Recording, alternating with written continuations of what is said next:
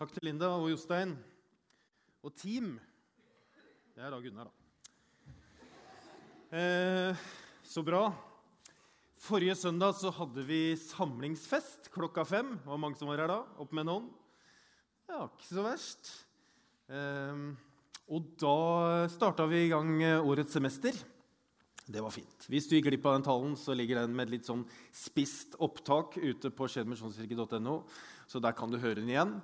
Eh, og Der ligger det også et oppfølgingsark som du kan ta med til eh, som du kan bruke hjemme, eller ta med til smågruppa di, eller hvor enn du vil. egentlig. Og Det gjør vi til alle talene våre. Vi, de tar vi opp, og så legger vi de ut på nettsiden, .no, og også på podkast.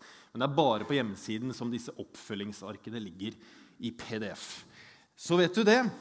Eh, forrige søndag da, snakka jeg om at SMK er et hjem med en hensikt. Eh, og denne hensikten er å lede mennesker til Jesus. At målet vårt er en sånn helhjertet etterfølgelse av Jesus Kristus. Det ønsker vi for deg, og det ønsker vi for alle som er her. Og i dag så er overskriften da 'Et hjem i etterfølgelse'. Og så har jeg tenkt på hva betyr det å følge etter Jesus i 2018? Hva innebærer det? liksom? Hvordan gjør man det? Eh, og For å prøve å gi noen tanker i retning av hvordan det kan se ut, så skal vi se på en historie fra Lukas' evangelium. Og Lukas han var lege, og han var ganske nøyaktig og grundig. og Derfor står det ganske eh, mye mer detaljer i Lukas' evangelium enn det det gjør i Matteus og Johannes f.eks. Og så har Lukas også skrevet da det som vi kaller for apostlenes gjerninger, som er den første tiden etter at Jesus reiste opp til himmelen. Men før vi skal se på den historien, eh, så har jeg et par ting som jeg har lyst til å si, som ligger i bunn eh, når vi snakker om å følge etter Jesus. Fordi å følge etter Jesus det kan man gjøre eh, liksom på, i ulike faser eller ulike stadier. Og så har jeg lyst til å si det at du trenger egentlig ikke tro at Jesus er Guds sønn for å starte å følge etter han. Det kunne jeg sagt ganske mye om. Men hvis du leser Nytestamentet, så ser du jo det at mange av de som fulgte etter Jesus, de gjorde jo det en tid før de begynte å tro at han var Guds sønn. De hørte hva han sa, de så hva han gjorde, og de var sammen med han. Og over tid så begynte de å tro på Jesus. Det er det første. Og det andre er at du trenger ikke slutte å gjøre gærne ting for å starte å følge etter Jesus. Eh, og Det er en fordel spesielt for meg, som gjør mye rart. Eh, men at det å være en synder, eller det å gjøre gale ting, da, det diskvalifiserer deg ikke for å følge etter Jesus. Faktisk så er jo en forutsetning for å følge etter Jesus det er liksom kvalifiseringskravet at vi har forstått at vi, ikke, eh, at vi gjør gale ting, at vi ikke klarer å nå opp til den standarden som Gud har sagt. For Jesus inviterte jo kun syndere til å følge etter ham. Eh, han sa jo at det er de som trenger lege, det er jo de som er syke, ikke de som er friske. Eh, og så er det jo sånn at De fleste religioner i verden de sier jo at du må forandre deg, og så kan du følge etter oss. Mens Jesus sier, 'Følg meg først', og gjennom det så vil jeg forandre deg. Yes, Det var det jeg skulle si først. Var ikke det fint? Ja, kjempefint. Vi skal gå rett på denne historien fra Lukas, så vi hopper ganske sånn fort i. Og det er ganske tidlig eh, i historien. Og da står det, skriver Lukas En gang sto Jesus ved Genesaretsjøen, og folk trengte seg inn på ham for å høre Guds ord. Og dette var jo ikke noe uvanlig. Det var helt vanlig at der Jesus var, der var det mye folk som trengte seg på ham. Det som var den gangen her, det var at han sto nede ved Genesaretsjøen, og så trengte folk seg på. Du vet at blir, Hvis folk kommer liksom veldig nærme min intimsone, som jeg har litt sånn langt ute, så tar jeg et skritt bakover. Og Så følger man etter, og så tar man et skritt til. Og Da var Jesus så nærme sjøen Eh, at da står det da fikk han se to båter som lå ved stranden. Og fiskerne var gått ut av dem og holdt på å skylle garn. Jesus steg opp i en av båtene, den som tilhørte Simon, og ba ham legge litt ut fra land. og Så satte han seg og underviste folkemengden fra båten. Og da tenker jeg Det første som skjer, er jo det at nå skjønner han at nå blir jeg vått på beina. For nå trenger folk seg på. Og da ser han seg rundt, og så ser han at det ligger noen fiskebåter der. Og så spør han de om han kan låne fiskebåten, og så går han ut. Og så vet han også det at når han kommer på vannet jeg vet ikke om du opplever det i sommer, men Når du er på vannet, eller hvis du ser en båt på vannet, så hører du veldig godt hva de sier. Har du opplevd det? At de som tror at de hvisker eller snakker litt sånn rolig på vannet, de gjør jo ikke det. For alle på land hører jo hva de sier, men de vet jo ikke om det selv. Men det visste Jesus at sånn var det. Men disse gutta her, da, som har sittet eh, Simon eh, og Et annet sted så står det også at det er Jakob og Johannes. Simon det var jo han som ble kalt Peter, som vi om forrige søndag. Han satt der og rensa garn. Eh, og De hadde jo sittet og lytta til Jesus og hørt på hva han hadde sagt. Kanskje de hadde gjort det flere ganger. Det å sitte og lytte og høre på hva Jesus sier. Og Hvis vi setter liksom, og følger etter Jesus-graden eh, i fire stadier, så er dette det første. Det å sitte og lytte-fasen. Og kanskje du er her, som er der, at du trenger å komme på gudstjenester. Sette deg ned, lytte til hva Jesus sier, og gå igjen etterpå. Og det er du hjertelig velkommen til her. Det å komme og høre og gå igjen etterpå. Fordi det å tro på Jesus det starter alltid med at vi får informasjon. Sånn er det jo med alle ting. Hvis vi skal følge etter noe, eller hvis vi skal gjøre noe, så trenger vi å få informasjon først for så å følge etter. Og Hvis du er i en setting hvor noen sier nei, men du trenger jo ikke vite det, eller det er ikke nødvendig, du kan jo bare gjøre, det er jo bare å, å følge med, liksom, eh, uten at du skal tenke selv, eller uten at du skal få informasjon, så bør du tenke om hvor lenge du skal være der. Fordi en sunn kristentro, en sunn menighet, eh, er bygd på en grunnmur av informasjon. Fordi kristen tro det er ikke blind tro.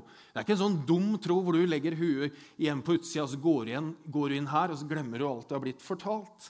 Men kristen tro er en tro som er bygd på god informasjon.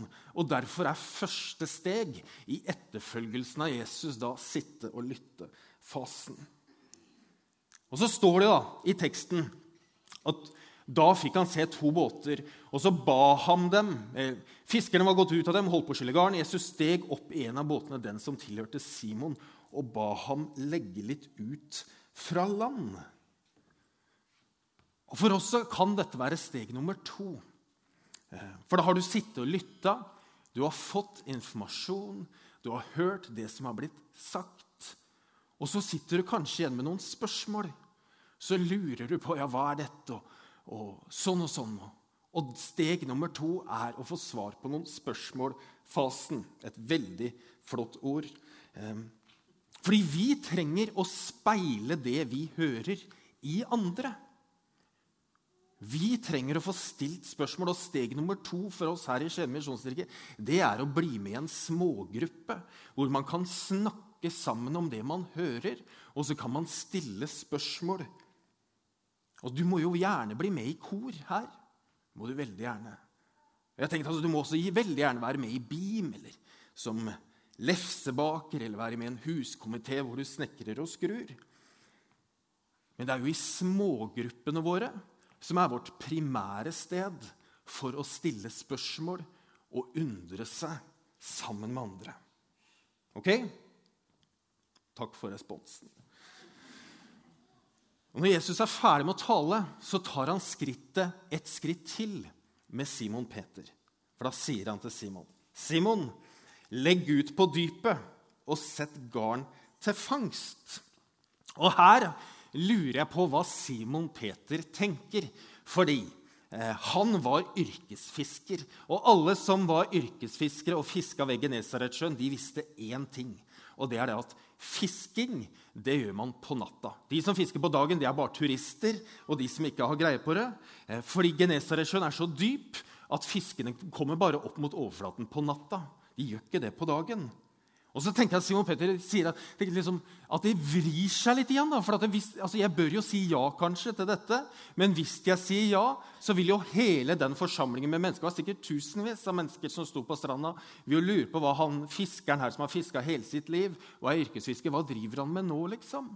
Har det rabla for han at nå skal du ut på fisketur? Men Simon han hadde jo hørt hva Jesus hadde sagt. Han hadde sittet og lytta. Og så hadde han nok fått svar på noen spørsmål når han hadde sittet sammen med gutta sine på stranda.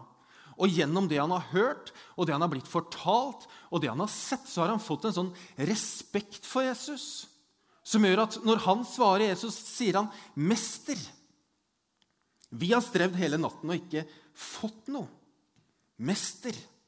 Men på grunn av jeg har stor respekt for deg, på grunn av det jeg har hørt og sett og blitt fortalt, så vil jeg sette garn på ditt ord. Ikke fordi jeg tror det vil virke, ikke fordi jeg tror at vi vil få fisk, men fordi jeg har så stor respekt for deg, for jeg har lytta til deg, jeg har hørt hva du har fortalt, og på grunn av det så vil jeg sette garn.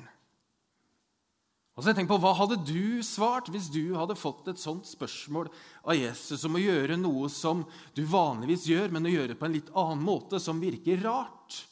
Da ville vi jo tenkt nei, det kan jeg ikke gjøre. Kan du ikke gjøre det? Tenk hva alle ville si, liksom. Eller tenk hvis noen så meg nå. Nei, nei, nei, Jesus, det kan jeg da ikke gjøre. Og akkurat som oss så visste jo ikke Peter hva som ville skje etter at han hadde kasta det garnet. Han visste jo ikke hva som lå i enden av det snøret, eller dette garnet. Men jeg tror Jesus utfordrer noen av oss til å gjøre noen ting som vi har gjort veldig mange ganger før, og som vi er veldig gode på. Men nå så skal vi ta med Jesus i det vi gjør, og kanskje han tvister litt på det. Noen sier at i en sånn etterfølgelsesfase som dette, det som vi kaller fisketurfasen, eh, så handler det om tre ting. Og så kan det veldig gjerne handle om flere ting enn det, men det handler veldig ofte om tre emner. og Det ene er at det handler om noe i forhold til venner eller sosiale relasjoner. Det andre er at det kan handle om arbeid eller jobb. Og det siste er at det kan handle om økonomi. Men det handler om at noe du har gjort, noe du er blitt vant til å gjøre, noe du har gjort mange ganger før, som du er god til, det tar du med Jesus i. Og så tvister han litt om på det og så blir det noe annet. Og Så kan du lure på hvordan kan jeg vite da, at jeg er i en sånn fisketurfase. Jo, for Du har sittet og lytta, og så har du fått informasjon, og så har du vært i smågruppe, og så har du fått svar på noen spørsmål. Også. og Av og til så får du en sånn tanke om kanskje jeg skulle Eller burde jeg slutte med? Eller kanskje jeg skulle gå til Kanskje jeg skulle gjøre sånn? Eller så får vi noen sånne tanker. Jeg har en drøm. Jeg har mange drømmer, da. Men jeg har én som jeg har lyst til å dele med dere. Ehm, og det er at jeg drømmer om at vi som er en del av denne menigheten, om vi er medlemmer eller aktive eller tilhørere eller besøkende, uansett Jeg drømmer om at vi går ut av dette bygget og utgjør en forskjell. Og så tenker jeg ja, du må gjerne spille i et lovsangsteam hvis du er glad i å spille. Du må gjerne være med på som aktivitetsleder på BEAM hvis du er glad i å være sammen med barn. Eller du må gjerne være med i en komité av et eller annet slag som fanger dine interesser. Og så har jeg ikke tenkt å sette menighetsdrift eller menighetsliv opp imot det som jeg skal si nå. Men jeg tenker at av og til så kan vi i hvert fall tenke gjennom det. For min drøm er at du går ut i byen og utgjør en forskjell. Kanskje du Jeg vet at i denne fasen som vi er nå, så er det veldig mange politiske partier i Skien som jobber med å få lister fram til neste kommunevalg. Og alle partier i Skien by trenger brennende kristne i sine partier. Og kanskje du skulle si ja til en sånn utfordring? Jeg tror at denne byen trenger brennende kristne som er fotballtrenere. for gutta eller jentene på sidelinja. Jeg tror at denne byen trenger brennende kristne som er ledere av FAU-er og alle disse forkortelsene. Jeg tror at denne byen trenger brennende kristne som er aktive i samfunnsdebatt og i aviser. og hvor nå enn det er, brennende kristne som er engasjerte, og som er ivrige, og som brenner for mennesker i denne byen. For jeg tenker at Dersom vi vil være et folk som vi om forrige søndag, som er med på å bringe himmelen og jorden nærmere hverandre, og som vil gjøre Skien til en bedre by å bo i, da kan vi jo ikke bare være her. Da må vi jo ut av bygget og inn i byen. Fordi Gud elsker jo ikke bare Skien misjonskirke og Tabernakel og Baptisten og Metodisten og Norske kirke osv. Han elsker jo ikke bare det, men han elsker jo menneskene i byen. Og kanskje du skal si ja til den utfordringen som du har fått, sånn at du kan være Jesu hender og føtter på ordentlig. Og ikke bare i tanken, men at du er det faktisk. Og Derfor drømmer jeg om at en sånn horde med mennesker strømmer ut av dette bygget og er Jesu hender og føtter som brenner kristne i byen vår. Det er nesten, hvis vi hadde vært nesten vært et halleluja etter her, kjente jeg nå. Men det, det drømmer jeg om, faktisk. Så, så, ivrig blir jeg! Tenk på det, selv om det ikke virker sånn. På ditt ord, ja, vil jeg sette garn, sier Simon Petter. Og så gjorde de det. Og så fikk de så mye fisk at garnet holdt på å revne. De ga tegn til arbeidslaget i den andre båten at de skulle komme og ta i med dem. Og da de kom, fylte de begge båtene så de var nær ved å synke. Og da Simon Peter så det, kastet han seg ned for Jesu føtter og sa, 'Gå fra meg, Herre, for jeg er en syndig mann.' Og da er det ikke noe hallelujastemning lenger. Det er ikke det. Det er ikke takk Gud liksom for fangsten. Men da ser Simon Peter at Jesus er noe mye, mye mer enn en mester. En han kan se opp til og beundre, som er flink med ord og flink med folk. Han er noe mye mer enn det. Han er Gud. Og så ser Simon Peter at hvem er jeg? Jeg er jo bare en syndig mann. Jeg er jo ikke verdig til det du holder på med, Jesus. Og Da kunne jo Jesus sagt nei, det stemmer, Peter. Simon Peter, du er ikke verdig til å liksom ta med sandalen engang. Men han sier ikke det. vet du.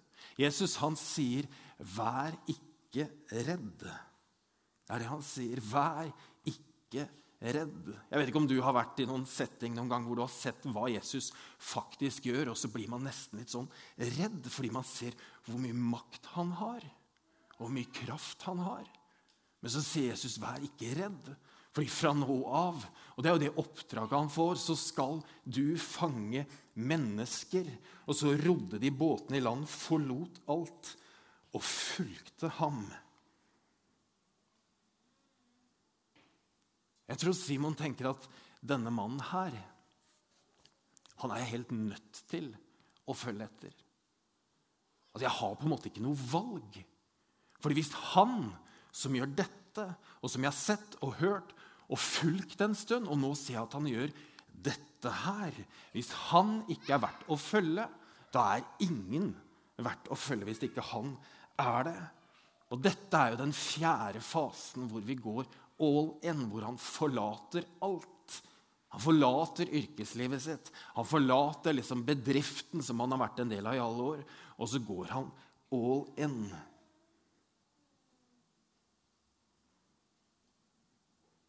Jeg vet ikke hvordan det er med deg. Um, men jeg har hatt en sånn mistanke denne uka når jeg jobba med dette. Så jeg har hatt en mistanke om at dette har du hørt mange ganger før. Det er ikke første gang du hører dette. Kanskje for noen. Men for veldig mange så er dette ikke første gang vi hører denne historien om denne fiskefangsten.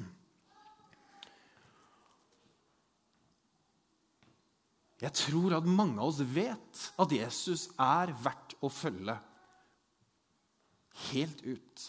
All in. Vi har hørt historiene, vi har sett mange ting som er blitt gjort.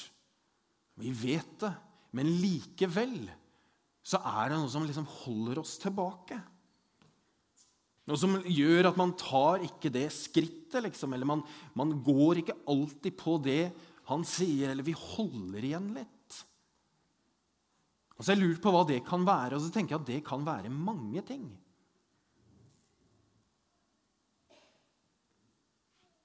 Og Det jeg har lyst til å utfordre deg på i dag, er å ta på alvor det du sitter og tenker på nå. Det som på en måte kommer opp igjen som sånne årsaker eller grunner eller tanker eller følelser på hvorfor gjorde jeg det ikke, eller hvorfor. At du tar det på alvor, og at du snakker med noen om det. I en gruppe eller med noen du har tillit til. Og så har vi samtaleteam her som du kan snakke med når som helst, ikke når som helst, da, men som du kan booke tid med å snakke med, som vi har stor tillit til.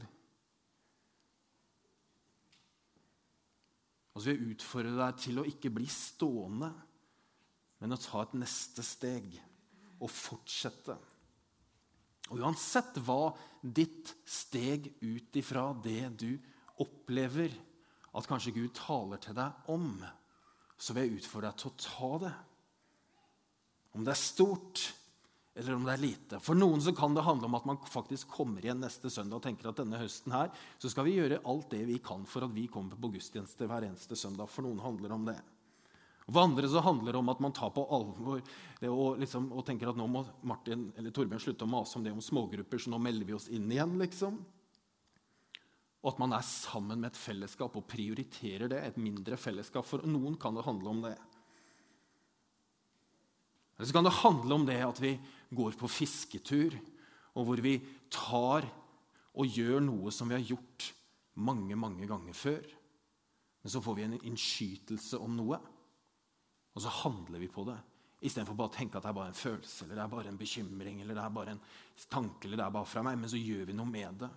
Og når vi gjør det, så kan det hende at Jesus viser deg at nå er du på fisketur på ordentlig. Og For andre av oss kan det handle om at vi faktisk går ut i byen og sier, 'Herre, jeg vil være dine hender og føtter der jeg bor og der jeg er', som en brennende kristen. Og så prioriterer vi det i livene våre. Men uansett hva ditt neste steg er, så ta det. Ta det på alvor og gjør noe med det. Istedenfor at du ser tilbake om fem år og tenker jeg gjorde ikke noe med det, og nå snakker han om det enda en gang. Jeg har lyst til å be en bønn. Herre, du ser at vi eh, har mange forskjellige tanker og ideer om hva det betyr å følge etter Jesus i 2018. Du ser at det er annerledes for meg enn han som sitter ved siden av meg. Men Jesus, vi ønsker å følge etter deg. Og så er det så mange ting som drar oss hit og dit, som vi ikke har kontroll på, eller som kommer gående. Og så er det ikke så alltid lett å holde fokus. Men jeg ber Herre om at du skal være nådig med oss og hjelpe oss og tale til oss og gi oss ord fra deg. Og så ser du at når vi er på vandring med deg, så ber vi om at du skal hjelpe oss til å lytte. Til å lytte. Takker deg, Herre, for at du elsker byen vår. Du elsker alle de menneskene som er i den. Og så ser du hvor mye vi har fått, som vi kan gi videre. Hjelp oss til å ikke holde det bare for oss selv eller innad her i dette bygget men at vi bringer det ut. Ikke for at vi skal bli kjent eller bli godt likt, men for at du skal bli løfta opp.